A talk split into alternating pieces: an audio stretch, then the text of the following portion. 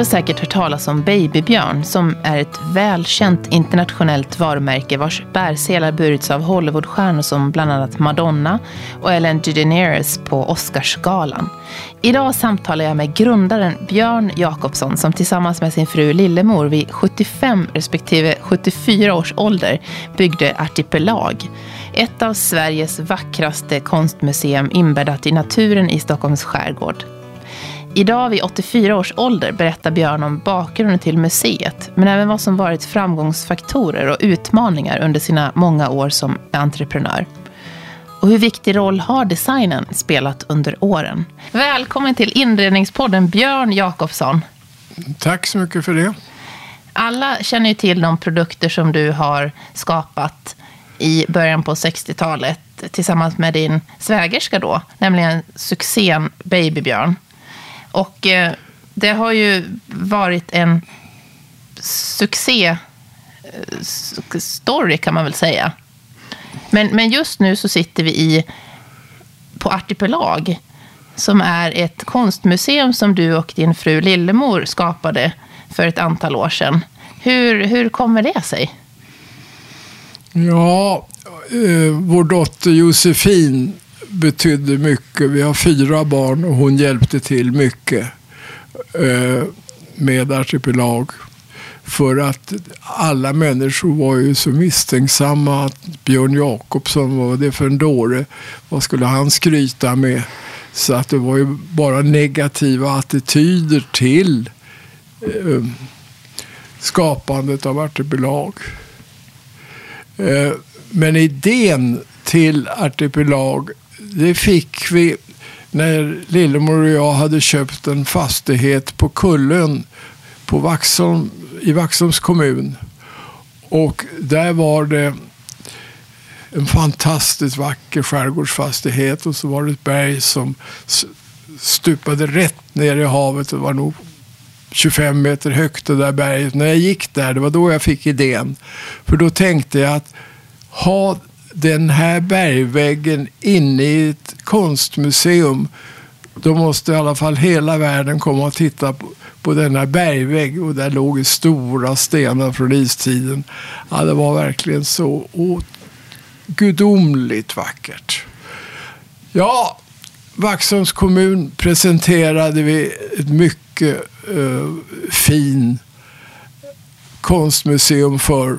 Och då hade jag gett i uppdrag åt arkitekterna att rita någonting som Vaxholms kommun skulle tycka var bra. Och då föreslog jag antingen en Vaxholmsbåt eller en Vaxholmsströmming. Vaxholm är känt för strömmingar. Och då kom arkitekterna tillbaka och ritade ett strömmingsstim. Hur vackert strömmingsstim som helst. Vaxholms kommun var inte ett dugg intresserad. Och sen hade vi fått blodad tand då. Och då började vi leta efter en ny fastighet. Och då var det någon som tipsade oss om Hullud, Hålludden på Värmdö kommun som ligger en kvart från Danvikstull, från tullen i stan. Och så blev det? Ja. Och då anlitade ni en arkitekt som, heter, som hette Johan Nyrén? Ja, Johan Nyrén var ju en av de finaste människor jag träffat. Men det var alltså sjunde arkitekten. De sex första gjorde ju spektakulära byggnader. Och jag kunde inte begripa hur dålig undervisningen måste vara på universiteten som inte förstår att rita något skärgårdsnära. Men Johan Nyrén, han sa till mig då att jag kanske kan vara till någon nytta om jag får rita någonting som är som vuxet ur berget och med material från omgivningen. Och när jag fick denna ödmjuka, skärgårdsnära svar då förstod jag att Johan var den rätta. Sen så ritade Johan det här på 70 dagar, för vi hade bara 70 dagar kvar på att färdigställa bygglovshandlingarna. Annars hade byggrätterna försvunnit som då den här fastigheten hade ärvt från den tid då Ericsson ägde det här och skulle bygga konferenslokaler här.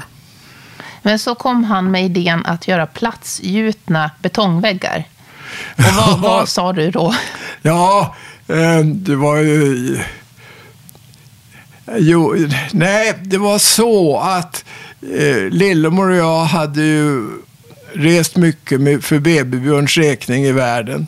Och vi hade rest också studera, konst, bara studerat olika museer i världen. Och bland annat var vi, hamnade vi på ett i Schweiz som hade betongväggar. Och de betong, betongväggarna var gräsliga. Och, och, så jag sa till Johan, jag vill inte ha betongväggar. Och då sa Johan, det blir betongväggar. och hur blev det i efterhand tycker du? Ja, det är ännu en historia med de här betongväggarna. För att när de var gjorda då så hade det ju när de göt det där så rann det ju ner vatten längs väggarna. Så det var ju massa vatten, spår av vatten, alla vattendroppar. Och jag är ju en vän av ordning.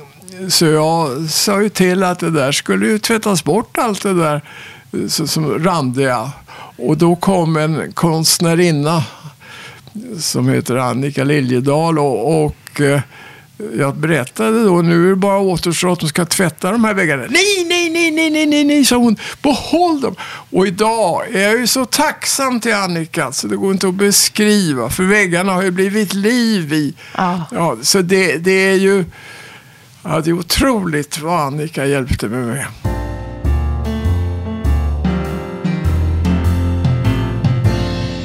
Du var 75 år och Lillemor var 74 när ni bestämde er för att starta det här bygget. Det är ju ganska udda att eh, bygga ett konstmuseum när man är 75 och 74. Men eh, när man börjar, är man entreprenör så är man entreprenör. Och, och, man bryr sig kanske inte så mycket om vad andra människor tycker och tänker. Man, jag tyckte att Stockholm behövde en världsvacker skärgårdsinstitution eller anläggning. Jag har legat på öarna ute i, och, och, och, tänkt, eller ute i skärgården alltså, och tänkt att eh, varför utnyttjar man inte skärgården som en attraktion för turister, ett turistmål. Det är ju så trist allting de gör i skärgården tyckte jag. Och, så det var det som, så att säga, fick mig själv att bli övertygad om att det behövs någonting i denna vackra skärgård. Och, och, och, och där folk kan gå och koppla av och njuta av naturen och uppleva årstiderna. Alla tror ju att skärgården är värdelöst på vintern. Det är som vackrast här i november, december, eh, januari när solen står lågt och lyser på molnen och det blänker i Baggensfjärden. Så att eh, få skärgården att leva året runt och få, få turister hit. Det var vad vi tänkte. Och jag kan säga också att äh, eftersom alla var, alla var tveksamma och mycket negativa till projektet så, så frå frågade de Lillemor så, sa hon, så svarade Lillemor alltid ja, får Björn för sig någonting så brukar han genomföra det. Ja. och förlåt, jag avbröt dig, men även er konstchef var ju skeptisk. Er nuvarande konstchef? Nej, nej. Ja, ja, ja ursäkta mig. ja, jo, det var en intervju då 2005 när vi hade köpt uh, fastigheten på Artipelag. Då så hade ju dagens Svenska Dagbladet på utsidan en stor bild av mig och mycket ironisk om att det var ett skämt det där att en BB-direktör skulle öppna en konstmuseum på Värmdön. Så, och sen så tog Sveriges Radio och gick runt och intervjuade gallerister och eh, Bo Nilsson som var chef för Liljevalchs konsthall. Och eh, Bo, eh, han var ju mycket skeptisk. Och när jag hade hört den intervjun så sa jag till Lillemor, ja den gubben ska vi i alla fall inte anställa. Och, och sen vi öppnade här så är han chef. Så, så ändrar sig livet. Ja, det var snabb vändning där. Ja, ja, det blev en snabb vändning. Men hur kom, hur kom det sig att det blev konstmuseum? Har ni ett stort konstintresse, du och Lillemor? Nej, jag är... Min pappa var amatörmålare och, och uh, mina morföräldrar hade varit kompisar med framstående konstnärer någon gång. Men det är på Lillemors sida konstnärskapet finns. Lillemor är ju mycket duktig. Hon finns representerad på Moderna Museet med en teckning. Eh, så att, och Lillemor, Lillemor är ett geni kan jag säga. Jag beundrar henne oerhört. Och eh, det är underbart att man gör när man har lättare att vara gift då när man har varit gift i 57 år när man beundrar den man är gift med. Och jag har lärt mig en sak. Att lyssna på vad hon säger. Och det sitter ju inne innan man lär sig det i ett äktenskap. Jag kan så lite och jag vet så lite. Så avslutade du sommarprogrammet du höll förra året. Men när du har haft och genomfört ett sånt här jättestort projekt. V vad är det för lärdomar du har dragit? Ja, lärdomen är att du var, för varje dag så lär man sig hur lite man kan och lite man vet. Det är bara, man kan ju jättelite. Jag vet inte, kan ingenting om det ser ut i en myrstack. Man kan ju ingenting om olika luftföroreningar. Men det är så lite man vet, men det lilla man vet får man ju utnyttja. Skulle du göra om det här igen? Nej, jag är 85 år snart så det är inte, inte aktuellt. Jag försöker få det här att gå i land. Det här går ju naturligtvis med jättestor back varje år att driva en sån här verksamhet. Eh, men eh, det är ju BB Björn som har finansierat hela Artipelag och fortfarande är ryggraden för att Artipelag kan leva på lång sikt. Har ni fått stöd från kommun? Ja, jag har fått en present en gång och det är stolparna runt bådan nere i... Och det var en... En oj, oj, oj. Nu. Eh, smed. Det var en smed. Det var en smed som tyckte att det var så fint med ärteförlag så han ville ge mig någonting. Så därför hänger de där repen i de där hans ställningar. Det är den enda grejen jag har fått som present. Och sen har vi fått bidrag till en konferens en gång. Okej. Okay. Mm. Det låter ju lite knapphändigt där. Ja, vi har till och med fått betala vägen från 222-an Stavsnäsvägen ner till Artipelag. Det ansåg jag att kommunen skulle betala. Och det anser jag fortfarande att kommunen ska betala, att det inte är Artipelags sak. Men eh, sånt är livet. I Sverige är det ju ganska ovanligt att man startar ett privat ägt konstmuseum, eller ett museum överhuvudtaget. I andra länder är det ju betydligt vanligare.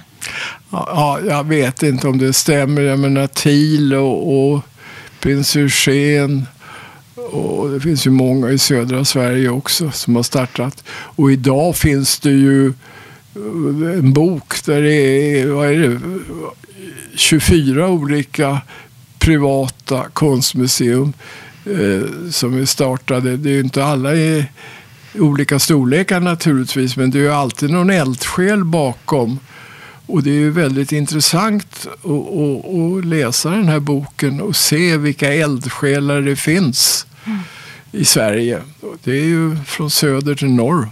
Det är få som startar sådana här stora projekt. Det här är ju inte bara ett konstmuseum, utan det ja. finns ju mycket andra saker här också. Ja, ja, det är inte riktigt min sak att ha några synpunkter på om det är stort eller smått. Vad jag vill åstadkomma, bara vad vi vill åstadkomma, det är ju att Man ska få njuta, vila sig, lugna ner sig. Och sen ska det vara rökning förbjuden på hela området. Jag vill ju hållbarhet, hälsa är, betyder ju mycket för mig. Jag har seglat eh, hela mitt liv. Jag har aldrig haft en motor. Jag har ingen motor, jag har en roddbåt också. Så att ta vara på naturen. Lev i naturen. Och jag ser ju hur lite folk förstår och tar vara på naturen. Det är någonting som man, alla borde lära sig. Och idag när det är så många som har problem med sitt psyke, gå ut i naturen, ta det bara lugnt.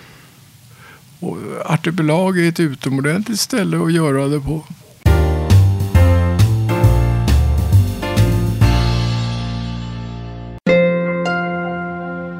Prenumerera gärna på Inredningspodden med Johanna Hulander så får du en notis när nästa avsnitt finns ute. Gillar du podden blir jag jätteglad om du skriver en recension på iTunes. På inredningspodden.com kan du prenumerera på nyhetsbrevet som kommer att mejlas ut innan sommaren. Och följ oss gärna på Instagram där vi finns under inrednings podden och Facebook där vi finns på inredningspodd. Vad är den stora skillnaden mellan att driva ett konstmuseum och vara en eh, företagsledare för Babybjörn? Min pappa sa åt mig när jag var ungefär 14 år, det spelar ingen roll vad du gör i livet, bara ha problem att lösa. och, och, jag menar, eh, jag har i alla fall skapat mig, oss ganska mycket problem genom att anlägga artipelag. Det kan jag eh, under, understryka, för här är hur mycket som går galet hela tiden som man kan förbättra. Men du måste ju vara en utomordentlig problemlösare då, eftersom det har gått så bra med... Nej, det, det har jag ingen uppfattning om, men jag försöker hjälpa till. Och, och jag engagerar mig i allt. Och jag är ju ganska noga när det gäller att skriva avtal och sånt där. Där har jag ju då stor erfarenhet från BB Björn. Och, och, och, eh, vara, och sen sa min mamma alltid till mig, när Björn städar då blir det rent. Och, så att eh, jag går alltid på toaletterna och kollar att det är rent. Och det tar hus i helsike om det inte är rent överallt. Och, och eh, så jag, jag går mina smygvandringar och tittar. Är det en av dina styrkor som, som person att, och företagsledare att du är så noggrann? Ja, det måste man vara. Men eh, styrka som företagsledare det är ju det att jag hade föräldrar som skickade mig utomlands redan från 15 års ålder varje sommar. Det är att jag har fått så mycket kunskaper. Jag har fått, det, det, det, kunskaper är ju oerhört viktigt. Utbildning, utbildning och att man tar till sig och sen att man har bra föregångare och styrka som företagsledare ska jag inte ha någon uppfattning om, men föregå med gott exempel och alltid vara ödmjuk. Du verkar också ha tagit tillfällena när de har kommit upp. Att du har liksom haft, som du berättar om när du var till den här stora i Nürnberg och tog, ja. tog tillfället att, ja men just det, klockan men, är sex på kvällen, mm. men jag går ändå upp och kollar om inköpschefen är här. Det är ju inte så många som... Nej, framåtandan eh, har det nog inte varit något fel på. Det tror jag inte. Eh, det, det, och, så att, eh, sen har jag mycket energi.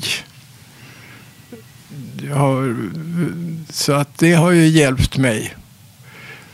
Men man måste ju alltid tänka ut alternativ och man måste ju alltid se till, till kostnader och intäkter.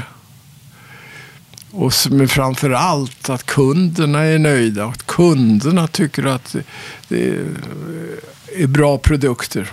Bra produkter har ju varit någonting som jag alltid har talat arbetat för. Jag hade aldrig startat Artipelag om jag inte ansåg att det var en bra produkt. Mm. Och det är ju faktiskt en av skärgårdens mest fantastiska lägen. När sol från morgon till kväll året runt. Det, det är vilka skärgårdsfastigheter på ostkusten har västkust solnedgång. Mm. Det har vi här. Mm.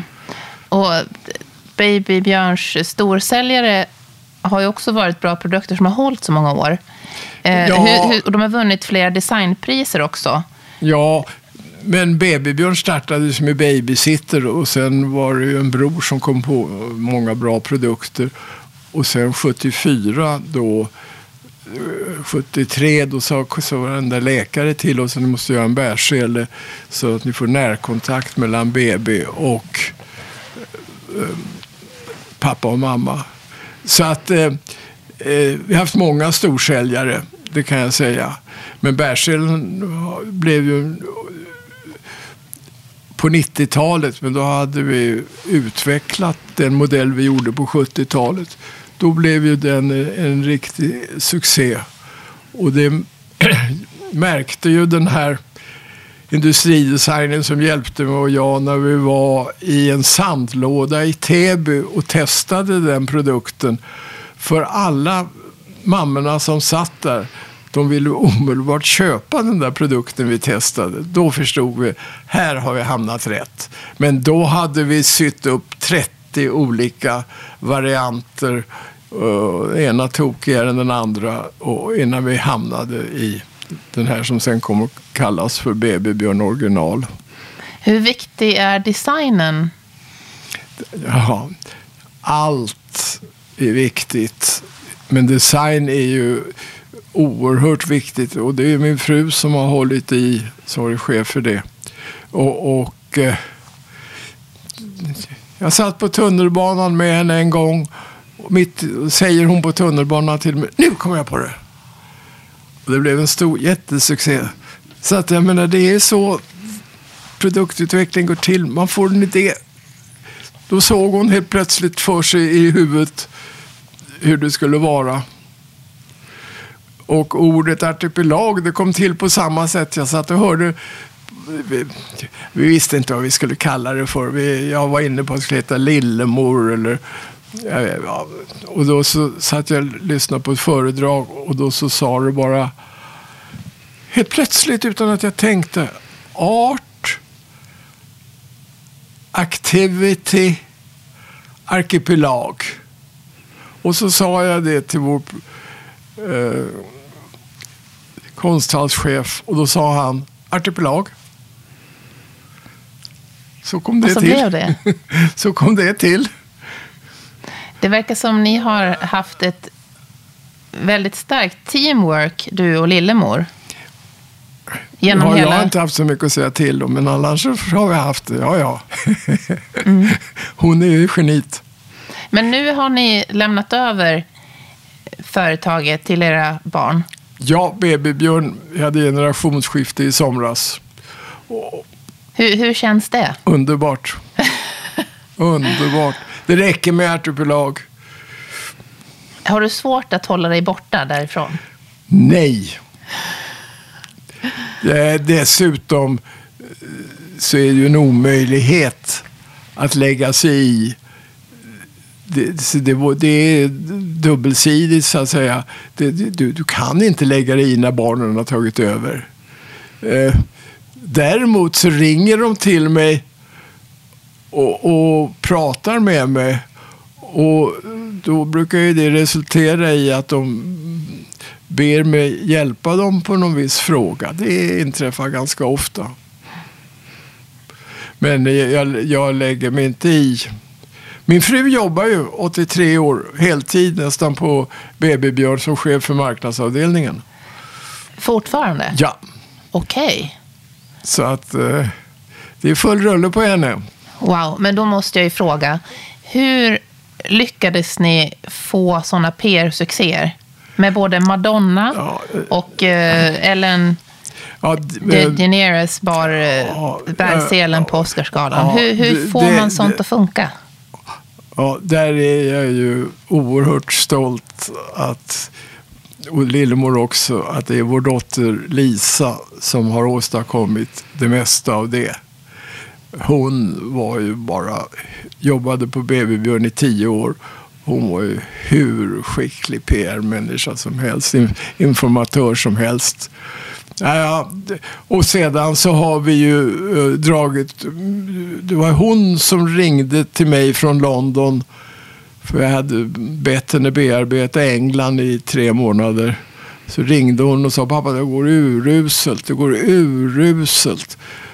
Jag kommer ingenstans här. Men nu har jag sagt till redaktörerna att du är expert på pappaledighet. Så imorgon klockan 12 har vi en lunch här i London. Så du måste komma till den här lunchen och, och vara expert på pappaledighet.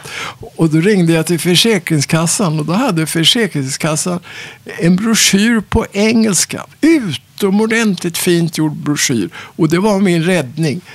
Så jag deltog i denna lunchen nästa dag med fyra journalister och sen var tidningen full av BB-produkter. Wow! det var inte så. Men pappaledighet har ju varit BB Lisas stora grej. Och den var ju genial. Att hon drev pappaledighet i hela Europa och hela världen. Och Lillemor och jag brukar säga det, det, det vad vi har bidragit mest med med BB Björn, det är ju att fått papperna att i hela världen att delta och vara ihop med bebisarna på ett helt annat sätt än tidigare. Sen är det andra faktorer som har påverkat det, men, men vi har i alla fall varit en liten, liten del av bidraget till att papperna har tagit på sig det stora nöjet att vara ihop med bebisen. Det är ju fantastiskt. För mig vara att bära ett barn, i bär, vår yngsta i bärsele, det var ju som att gå på moln. Mm. Brukar jag säga. Och det tycker jag fortfarande att det är helt gudomligt att bära dem nära intill. Mm. Nu kommer det ju också en generation mor och farföräldrar. Ja, ja, ja, det gör det. Min pappa bar vårt första barn i Baby Björnsele. Ja, ja, ja, jag har en fantastisk bild om årsredovisningen på Baby Björn nu med Lillemor, min fru alltså, i leopard kallas det här. I leopard, stående tuff med en BB Björnbergshele på bröstet. Det är, och det är på årsredovisningen. Jag tror inte alla för, BB-företag i världen har en 83-åring som reklampelare på sina årsredovisningar. Häftigt.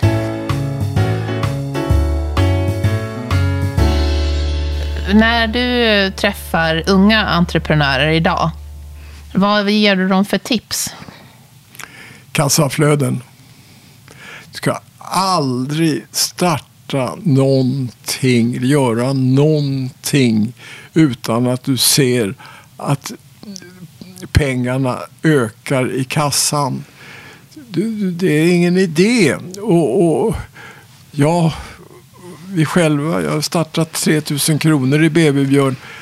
Det är bara att leva hur försiktigt som helst. Vi levde, jag hade 100 kronor i hyra i den lägenhet vi hyr i ett gammalt hus. Vi hade ingen bil. Jag, menar, jag cyklade runt när jag började BB Björn. Men det är först när du har tjänat pengarna som du kan gå vidare. Tro inte att det är någon trollkonst. Men jag har inte jobbat ihjäl mig. Det vill jag säga. Alla tror att man måste jobba ihjäl sig. Men man måste hålla i pengarna. Man måste vara, och, och, och min fru har aldrig begärt att få någon fin bil eller fina kläder. Utan det är att leva mycket sparsamt ända till den dagen kommer då det går lite bättre. Men även då ska man ju leva återhållsamt och hållbart. Om man inte ska bygga ett konstmuseum? ja, men eh, anledningen till konstmuseum det är ju att det är för allmänheten. Det är ju inte för att vi ska ha det, det är ju för allmänheten. Och för eh, att Stockholm ska ha någonting att visa upp som är utöver det där. Jag vet ju inget naturställe i Stockholm som ligger så här vackert som det här. Det vet jag inte. Tycker jag inte. Med solen hela dagen. Idag är du 84 år. Hur ser din dag ut idag? Eller hur ser dina dagar ut idag? Ja, det här är lite kuriosa bara för att min fru var hemma. Fru är 15 år. Och så sa hon, nu har jag varit hemma, i 15 år och skött. Och det var ju en förutsättning för att jag skulle kunna bygga upp BB Björn. För jag var ute och reste, jag hade ju långt över 100 övernattningar och det är mycket det. Eh, om året. Jag var ju själv ute i alla butiker och, och sålde. Och, och eh, nu får du ta hand om matlagning och städning och hemma. Eh, och eh, nu har jag gjort det i 40 eh, år. Så varje, jag sköter faktiskt all matlagning och all städning och allt sånt. Så sköter jag massa annat också i familjerna. Men eh, jag tycker om att städa, så det gör inte så mycket. Eh, så det är en del av min dag. Sen har jag är då på Artipelag och hjälper till och här finns det väldigt mycket att hjälpa till med. Och sen i min ålder så har man ju flera vänner som inte mår så bra som man får ta, försöka få tid att besöka. Och sen så hjälper jag till så, med finansförvaltning så att Artipelag får pengar för det här. Och det är en stor arbetsuppgift. Ja, men får man vara frisk? Det är det enda som betyder i livet hälsan. Allt det är hälsan. Så jag promenerar alltid varje dag en timme, minst en timme. Spelar ingen roll uh, hur mycket jag har att göra. Klockan elva, då går jag ut och går en timme. Mm. Och, och, det, är alltid. Har du några andra intressen som du... Ja, jag är, jag är intresserad av väldigt mycket. Så att jag är vi, naturligtvis så de, deltar Lillemor och jag lite på konstsidan. Vi har köpt fantastiska konstverk av Jan Hovström som kommer att bli permanent utställning på Artipelag. Och den visas nu på Andersson och Sandströms galleri. Helt otrolig. Jag blev helt betagen när jag var där. Ja, ja, ja. Och jag hade Lars Nittve, tidigare chef för Moderna Museet. Och eh, Sylvan, eh, jag vet vad hon heter för ja, var också där. Och så Lillemor då. Och, och, jag frågade dem och de tyckte också att vi skulle köpa det där till Artipelag. Så det blir ett tillskott till Artipelag som är av världsklass. Det kan jag säga. Det är Andy Warhols stil fast en annan tappning. Och det har med eh, andra världskriget att göra och förintelse och denna... Eh, så det, det är mycket. Det tar, det tar i hela kroppen den utställningen. När kommer den att, att visas Ja, vi kommer att visa den när vi tar ner Fornasetti. Den tar vi ner i januari 20. Då kommer den att komma upp. Ja, just det. Och då ska vi ha den som permanent utställning här. Så vi alltid har en utställning. Mm. Inte så att när vi, vi slipper gluggarna mellan utställningar. Nu kommer vi alltid ha en utställning. Men vad är det som är kommande utställningar här på Artipelag? Ja, kommande utställningen får ni sett och den öppnas den 14 juni.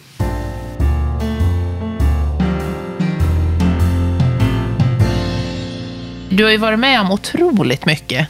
Så man känner ju att, eh, wow.